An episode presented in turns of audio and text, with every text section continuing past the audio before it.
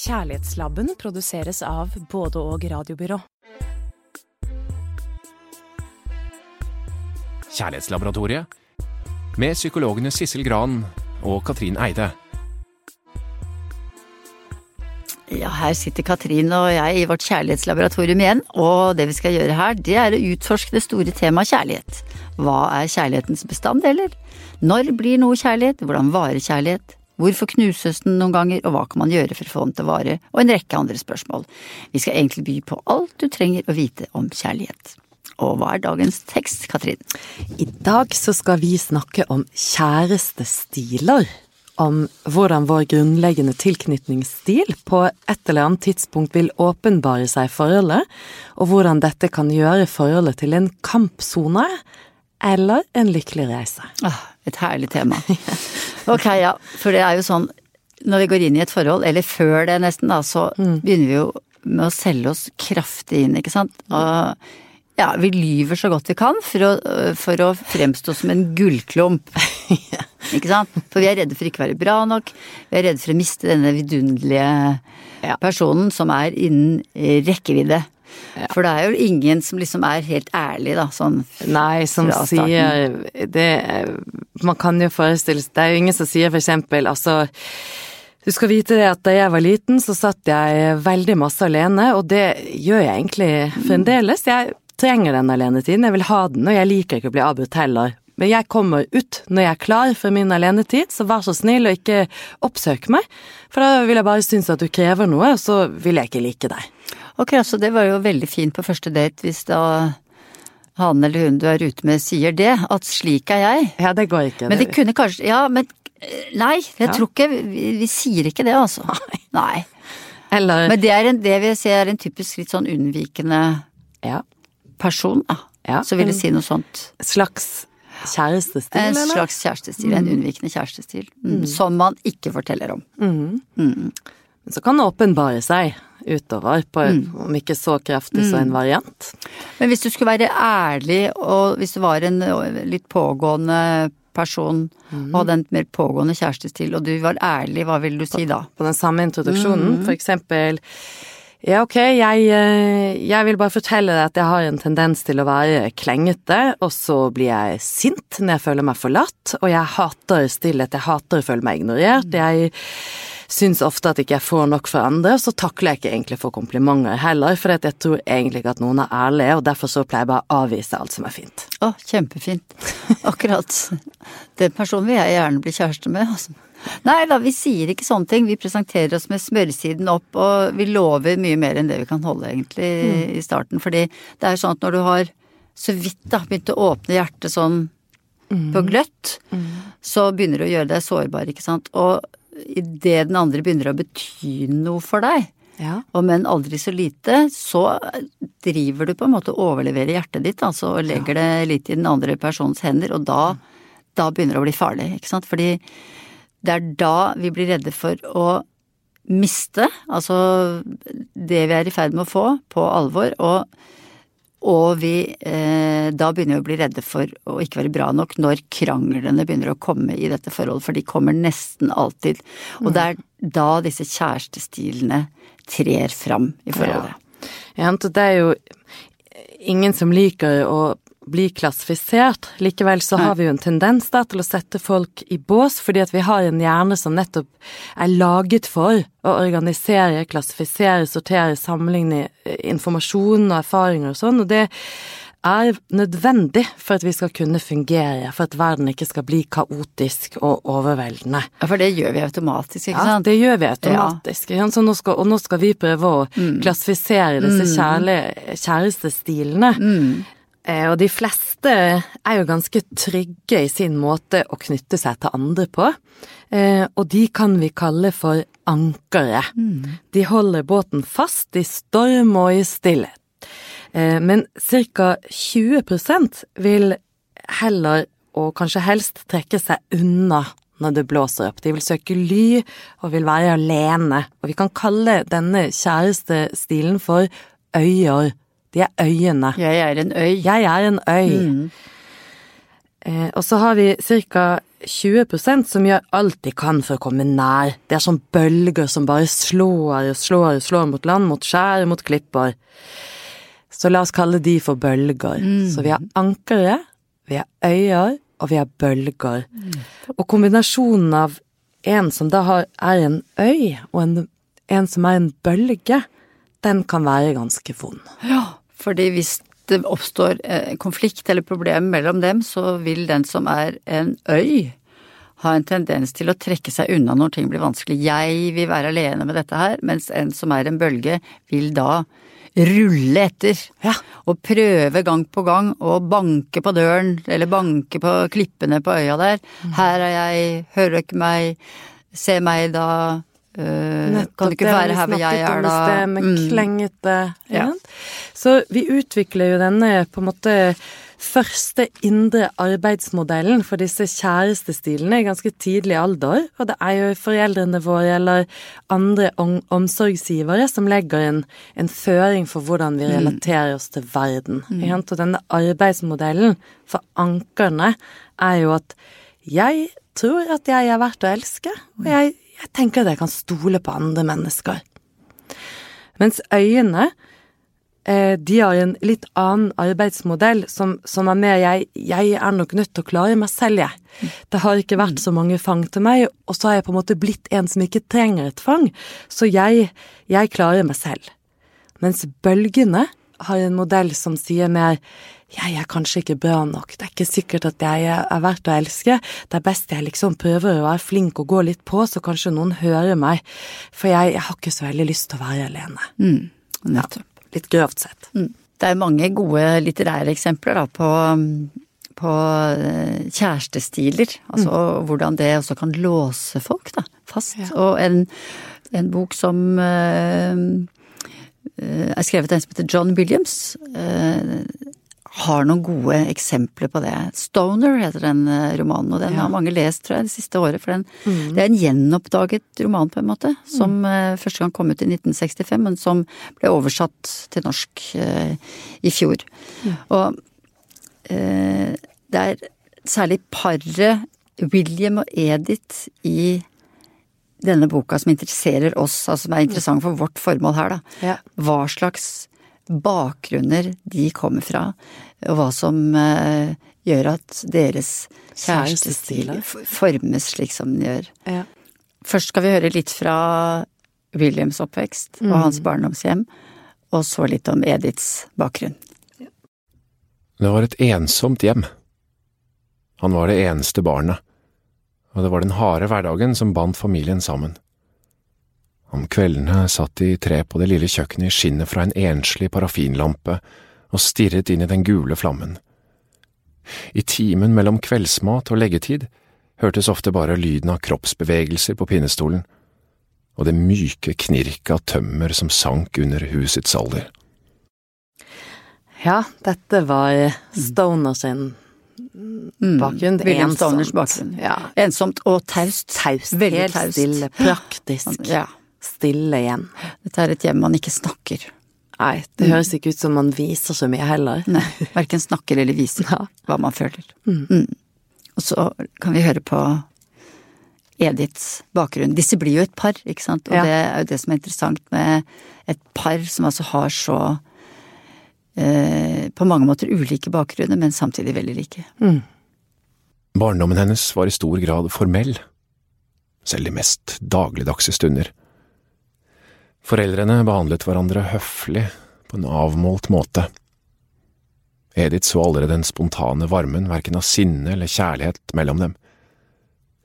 Sinne tok form av dagevis med høflig taushet, og kjærlighet tok form av høflig ros. Hun var enebarn, og ensomhet var et av hennes livs første betingelser. Ja. Det er smertefulle barndommer, eh, egentlig. Hva, hva har Jeg tenker på hva har disse to lært, men hva eh, Det er én ting, men hva lærer folk som kommer fra denne type hjem?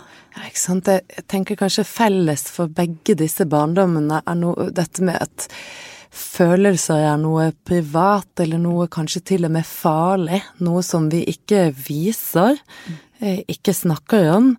og kanskje nærmest ikke har.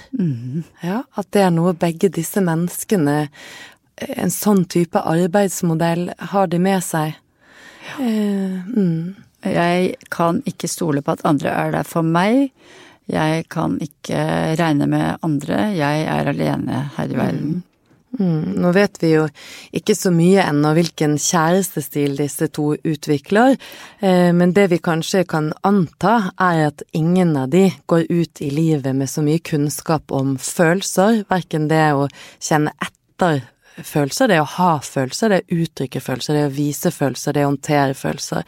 Ganske lite kunnskap om det hos begge disse menneskene. Ja. Det som er tragisk da med dette forholdet, det er jo at de Ja, altså bryllups, bryllupsreisen er jo en katastrofe. Mm. Uh, fordi de er jo helt kunnskapsløse om hvordan man ter seg seksuelt. De kan ingenting om det. Altså hun kan særlig ingenting om det og er helt uforberedt. Mm. Uh, og har jo vokst opp i et hjem hvor ingen selvfølgelig har snakket om sex. Nei. Og? Det, og ingenting annet heller. Mm. Så det går skeis fra starten. Men det man får sympati for i denne romanen, det er jo denne mannen, William Stoner, som, uh, som er en vennlig mann. Mm. Men det som er hans ulykke, hans, det er at han er ekstremt unnvikende, at han trekker seg med det samme noe er vanskelig. Ja. Han, uh, og han formidler ingenting om hva som foregår inni ham. Nei, Så hun får jo ingen sjanse heller til å skjønne hvem er du. Nei, sant. Det er jo ganske forståelig Mm. at han har blitt eh, det vi kaller for innledningsvis en øy. Han en øy. At han eh, trekker seg, Mm. at han blir redd. Han kommer fra et hjem hvor det nærmest ikke har vært lyd. Ja, faktisk. Er hun, er nok, hun blir sintere, altså etter hvert så blir hun Så kan hun øh, Så blir hun sintere, hun kan bli rabiat, på en måte. Hun øh, kan bli hånlig, hun kan bli foraktfull, så hun har veldig mange sånne sekundærfølelser, da. Ja. Altså som kommer tytende ut. Men under der er det jo en utrolig redd, fortapt, litt ødelagt liten jente. Og det ser jo ikke han. Nei, det har ikke han sjanse til å skjønne, så han reagerer jo på hennes sekundære Ja. følelser og tenker at dette er en sint, farlig dame, her må jeg trekke meg vekk og være lydig Mm. og ikke lage lyd. Og det, som leser så er det også, blir det også ganske utfordret i forhold til å like henne. Det er det du veldig si. vanskelig å like henne. Man, man leser, når man leser, liksom, så tenker man for en merr, for et forferdelig menneske. Man tenker jo hele veien men så kom deg ut av dette da, mann! Se og skill deg, så kom deg ut av det. Man gjør ikke det. Han er veldig handlingslammet i forhold til å gjøre noe med situasjonen. Men det er sånn han er oppdratt. Man tåler og holder ut. Mm, da kan man jo se det der med hvor sterke de sekundære følelsene er, og hvor vanskelig det er å like når man bare hører om de sekundære følelsene. Men i det, hvis vi også som lesere i denne boken hadde fått hørt litt mer om hennes helt innerste liv, så ville det nok være lettere, mye lettere å like henne. Ja. Absolutt.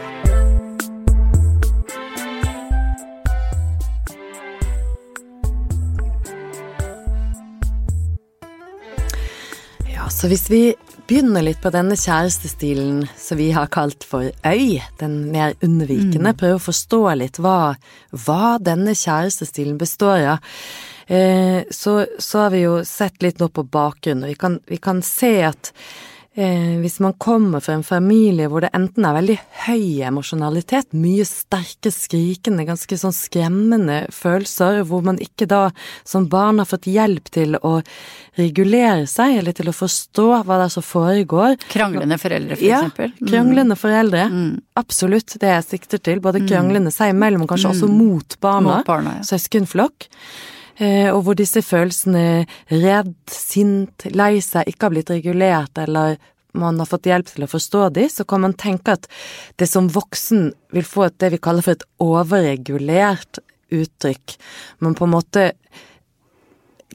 hva skal jeg si, trykker ned følelsene, overregulerer de, sånn at man nesten ikke kjenner på det, altså, etter hvert. Det er jo for å beskytte seg, hva? For å beskytte seg, for det er så skremmende å være der. Man har aldri fått hjelp til å vite hvordan være i sånne følelser, for i seg selv er jo ikke sint og lei seg farlig i det hele tatt, men man må vite hvordan man skal kunne forholde seg til disse følelsene, da.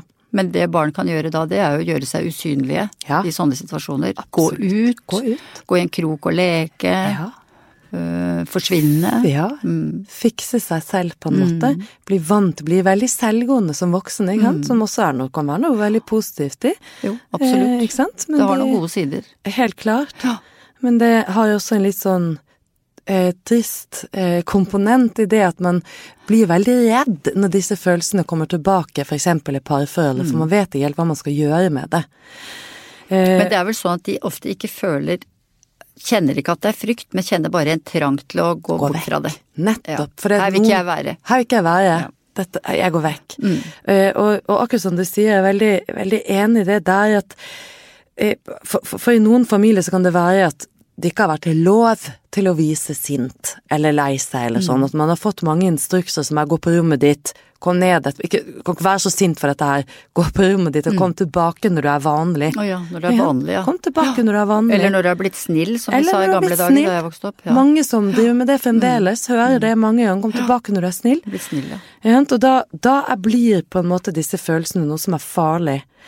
Eh, og barnet utvikler Ja, for det blir en avvisning av at du har følelser. Helt klart. For du får instruks om å ta en timeout når du har feil følelse. Yes, For eksempel feil. at du er sint eller Som Ja. feil er følt til hva de voksne vil. ja. Sant? Så da mm, Modellen blir, hvis jeg kjenner på følelser som ikke er akseptert, så bør disse på en måte drepes momentant. Mm. Jeg blir utstøtt hvis disse følelsene kommer til meg, og på denne måten så lærer man tidlig å overregulere disse følelsene, eller ta de vekk. Og som voksen så kan det nettopp være som om disse følelsene ikke fins. Man vet nesten ikke selv at de er der, man hopper over det. Ja. Så eh, man kan også høre sånn at en del som har vokst opp i en sånn type barndom, kan si som voksen i, i parterapi at jeg ikke, jeg skjønner ikke av partneren min. Hun driver for eksempel er opp og ned, har så sterke følelser, så vanskelig. Jeg har liksom Jeg føler mellom Føler mellom fire og syv, jeg. Det holder for meg. Der er jeg. Jeg føler ikke de De bitte små, det bryr meg ikke. Og de store, det, det kjenner har jeg ikke. Jeg opererer innenfor et lite spekter av følelser, da. Mm. Så, så de som har en kjærestestil som er mer unnvikende, eller en øy, de har en tendens til å ønske å se fremover. De liker ikke så godt å være inne i parforholdets konflikter som er her og nå, eller, eller tidligere forhold, eller også inkludert barndom. Det er på en måte et slags mantra her at det er fortid, og det å grave i fortiden er meningsløst. Kan vi ikke bare gå fremover? Ja, riktig. Så det er ikke alltid de husker detaljer heller. Enten er det er sånn, kan du ikke fortelle hvordan var det, hvorfor ble det sånn, hva er det du driver med? Så hører vi ofte i terapirom at de sier sånn Jeg vet ikke, jeg husker ikke. Mm. Spiller det noen rolle? Der kan vi ikke, er det noen som bryr seg om det? Kan vi ikke bare gå fremover? At det Mm. Kan vi ikke liksom legge det bak oss? Kan vi ikke bli ferdig med det? Ja. Men Og det kan jo bli ganske frustrerende da for en partner Ja, å, å være vanskelig å forstå. Ja, nettopp.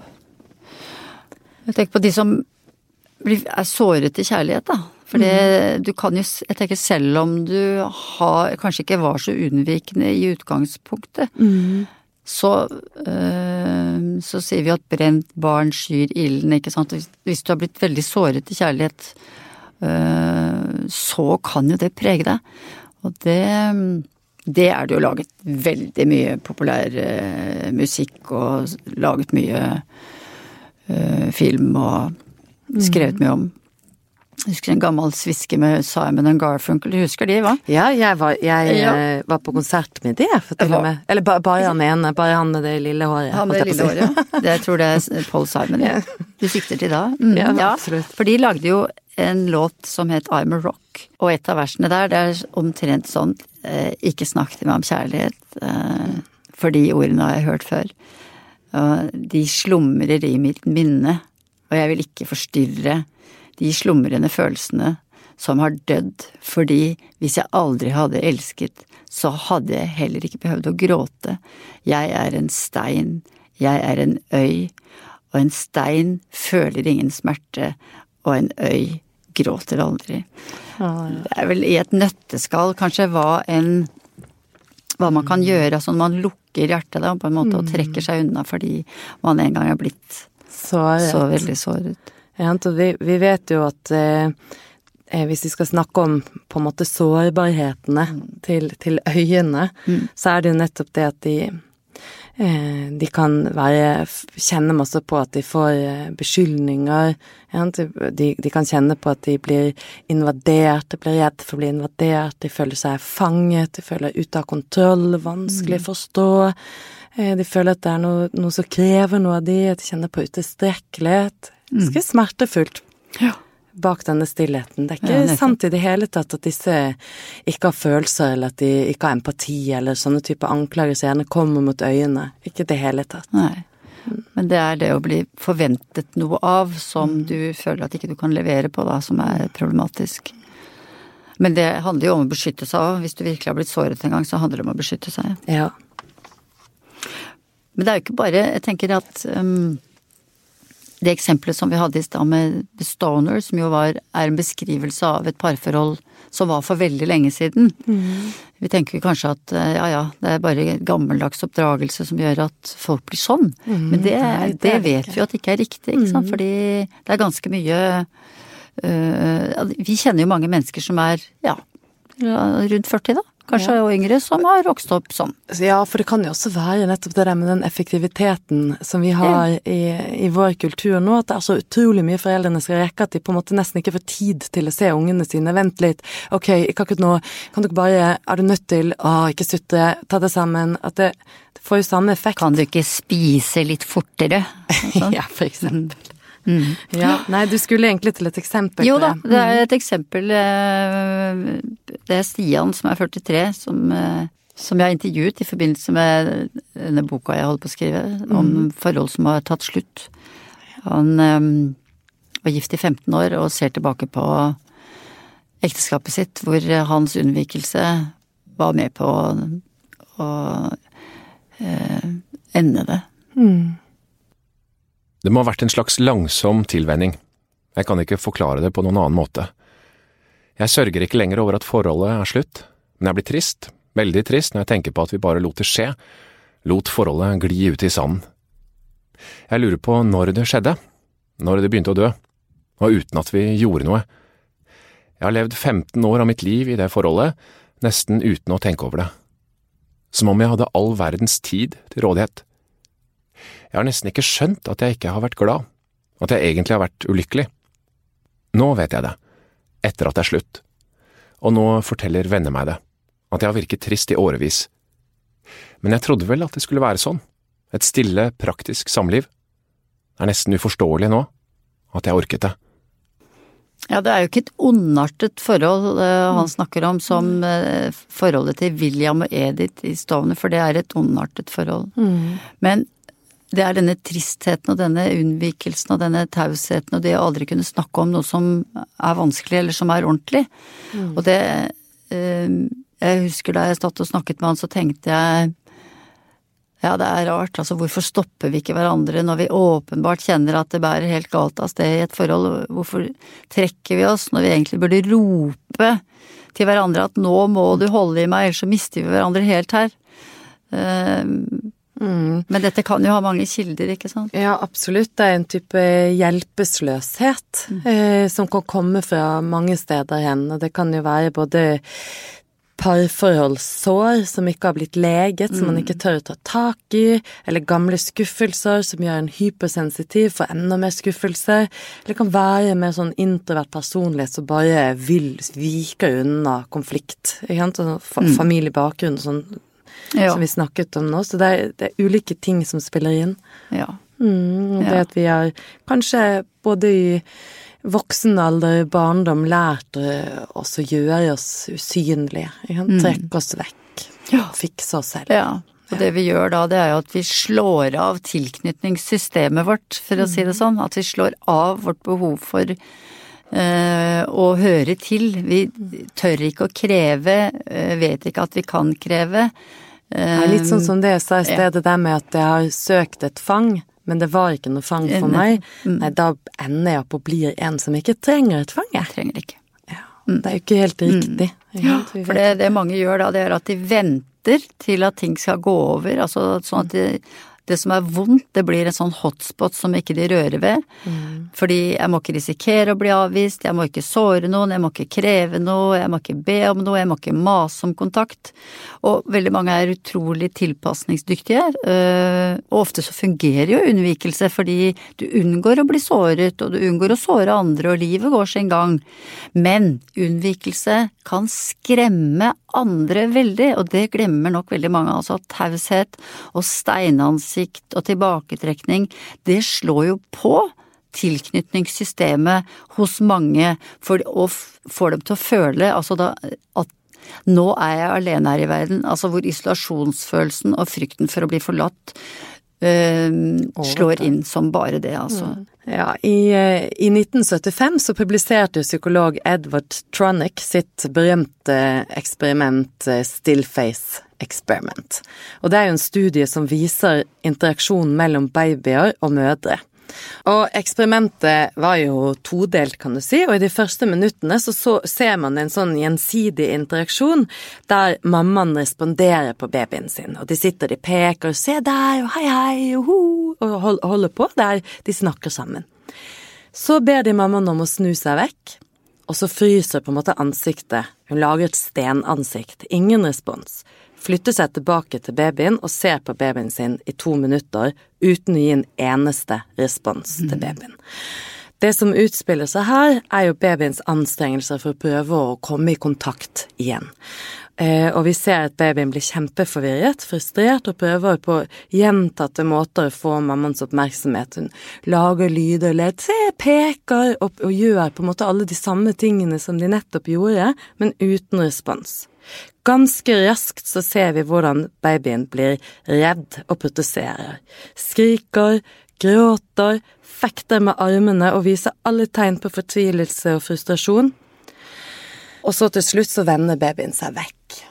Snur ansiktet seg vekk fra mammaen og vrir seg i stolen. Og så eh, kan vi puste lettet ut. Det er forferdelig grusomt å se. Man kan bare søke dette opp på, på YouTube, så ligger det masse klipp av eksperimenter. Det er ordentlig smertefullt å se på. Mm. Så blir mammaen tilbake igjen i dette eh, klippet, man sier hei, hei, hei, og så gjenopprettes kontakten. Det vi, det vi vet, er at av og til så gjør det dette eksperimentet uten stol, for vanligvis så, så sitter en baby i en stol, men da um, Tørnik gjorde eksperimentet hvor babyen satt eh, på gulvet, så ser vi at i siste stadium, når den ikke får kontakt, så ruller babyen seg helt vekk og krøller seg sammen som en sånn liten ball og bare spiller helt død, på en måte. Gir helt opp. Mm, gir opp. Rett og slett. Så det er veldig smertefullt. Og dette her er jo Viser på en måte eh, tilknytningen eh, og behov for kontakt, og redselen når kontakten ikke er der.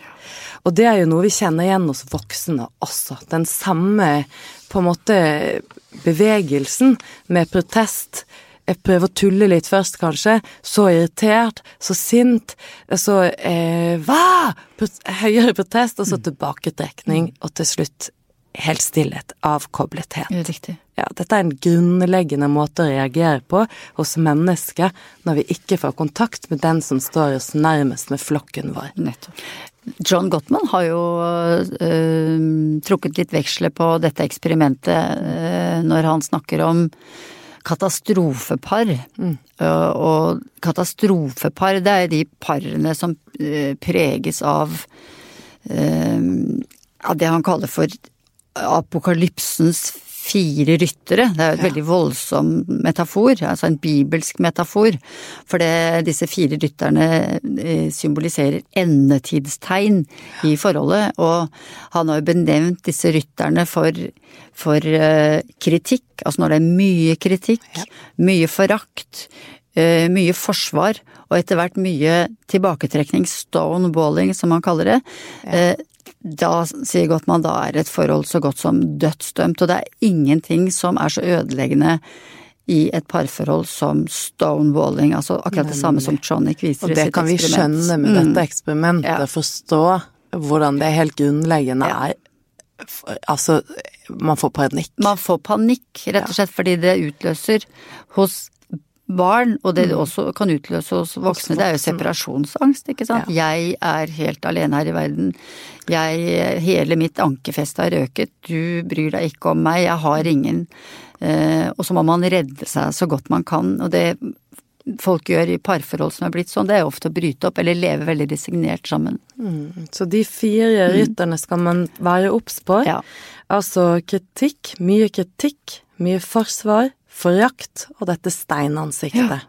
Steinansiktet brukes jo, altså det sier jo godt man nå, det, det setter man jo på seg når man ikke orker mer. Altså hvis du har en bølgekjæreste da, som slår og slår og slår og slår, så vil det være forsvaret, ikke sant, til Det siste forsvar, Det siste skansen, på en måte, eller forsvaret til en øy, da. Um, øh, en måte å beskytte seg på mot det som oppleves som som repeterende angrep, ikke sant. Mens det bølgen jo prøver å få til, det er å bli hørt og få kontakt øh, og gjenopprette øh, forholdet, sørge for at båndet ikke ryker, men dessverre så er det det som skjer allikevel, ikke sant.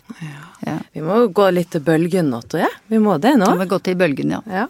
Ja, for, for bølgen, som vi nå har beskrevet som ganske sånn pågående, kontaktsøkende og klengete, den har jo også sårbarheter. Det ligger jo noe bak denne atferden.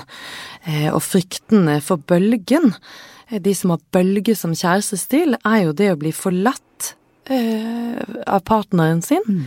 Det å bli, bli separert og bli alene, ikke være bra nok. Jeg syns det er vanskelig å bli, bli redd når man er alene for lenge. Eh, og også det med å, en redsel for å være en byrde, å være for krevende, rett og slett. Ja. ja. Det som vi har vært inne på, det er jo at denne, hva skal vi si, trossystemet da, hos de som har en, sånn- en bølgekjærestestil, det er jo at de tror jo veldig på eh, at det nytter å hamre. De tror jo på at det Bare jeg gjør høyere. det. De, de tror at du hører meg, Ja. jeg får ikke noe respons, jeg må nok gjøre det en Jeg gang må til. gjøre det en gang til. Fordi du, du fikk ikke med deg at jeg, at jeg søker kontakt, men det er en måte å søke kontakt på som også kan skremme de vi kaller for ankere. For du kan som anker, selv om du er en trygg person, bli veldig sliten av en veldig pågående, litt forfølgende partner. Ja, ikke sant, for ankeret er, er, jo, den trygge som vi ikke Mm. snakker så mye om, fordi at ankeret har en ganske sånn god arbeidsmodell, Mm. og er litt mer fleksibel, så det er ikke så mye vansker med ankeret, egentlig. Det er vel derfor vi ikke snakker så mye om ankeret, men det er jo ikke sånn at ankeret er helt perfekte mennesker Nei. som aldri krangler eller aldri er lei seg, men de har en mer sånn grunnleggende opplevelse av at dette her ordner seg, dette her fikser vi nok. Ja. Og at jeg er bra nok. Ja. Og at jeg kan stole på andre mennesker i verden. Sånn at det er klart at de har, de har bedre fotfeste. Mm, Men det er jo grenser for hva de kan tåle også. Ja. Så derfor må man man må ikke glemme å snakke om dem også. Nei, vi må ikke det. Mm.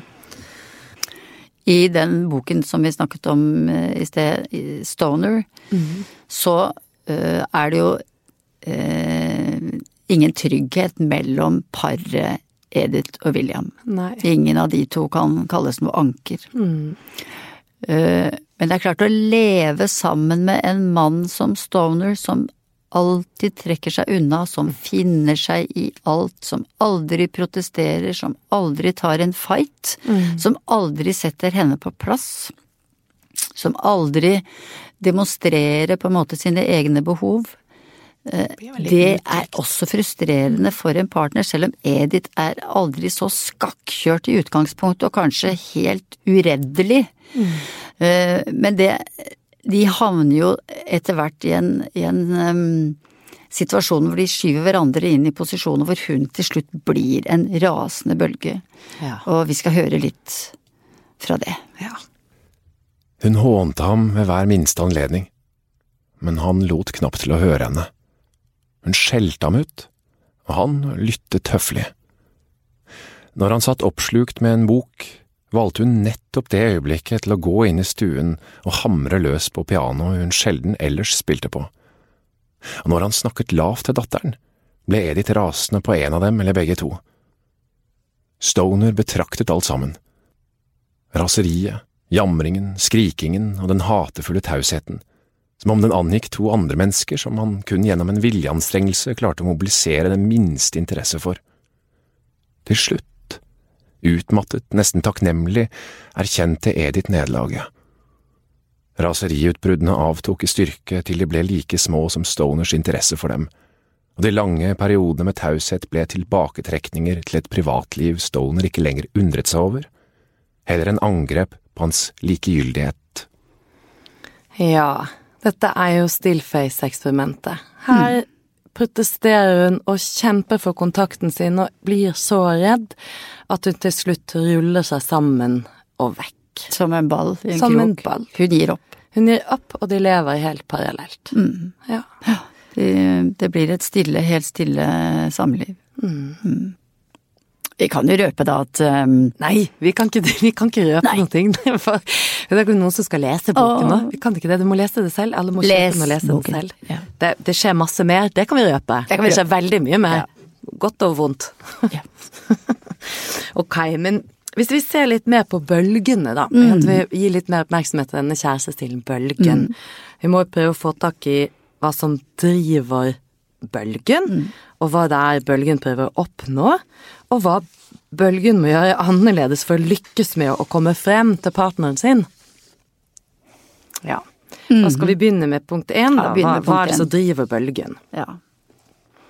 Og det er dette med at de tror så altså en bølge tror fullt og fast på at hamring i form av gjentagende argumentasjon, kjefting, tårer og bønner og sånne ting, det vil til slutt overbevise partneren og få ham eller henne til å si seg enig, overgi seg, forstå da bølgens dype anliggende. Så det er et, et trossystem i bunnen der.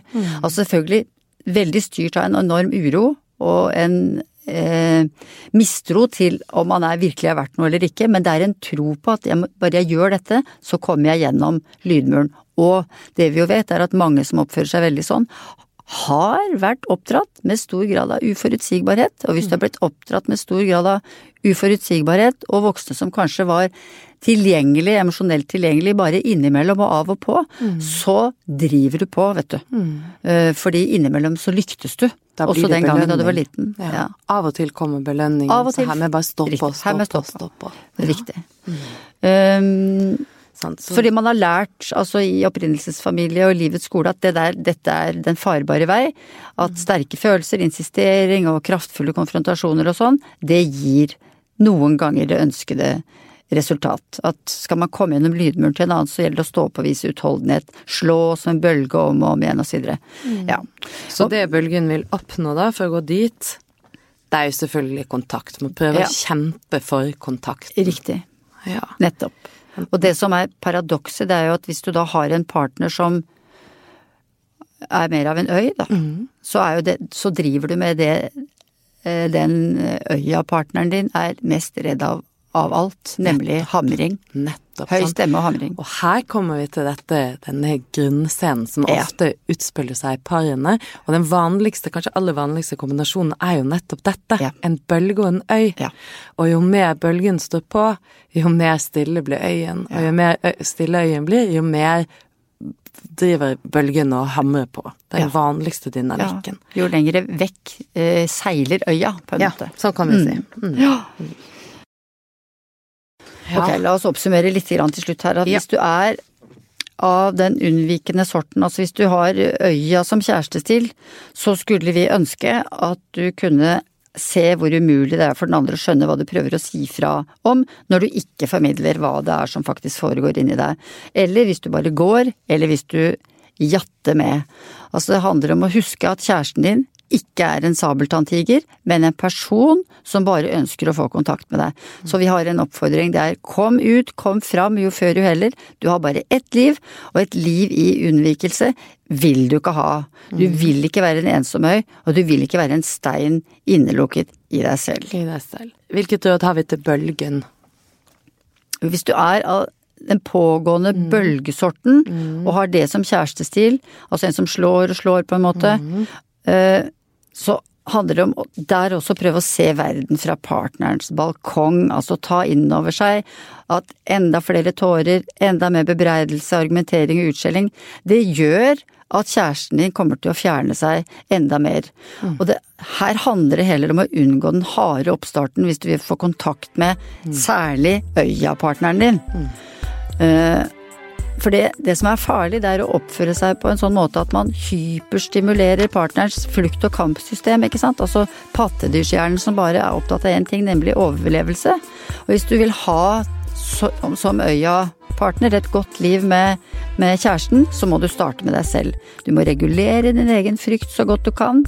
Du må roe deg ned, du må snakke lavt, du må snakke langsomt, du må ikke kritisere, ikke kverulere og gjenta argumenter. Fortelle rolig nå ble jeg lei meg. At jeg ønsker bare at du og jeg skal ha det bra. Jeg er lei meg fordi at jeg har bråkt og kjefta og skreket til deg så mange ganger. Um, og ikke utsett partneren for bakholdsangrep. Hvis partneren kommer nærmere, så ikke smekk til han eller henne da.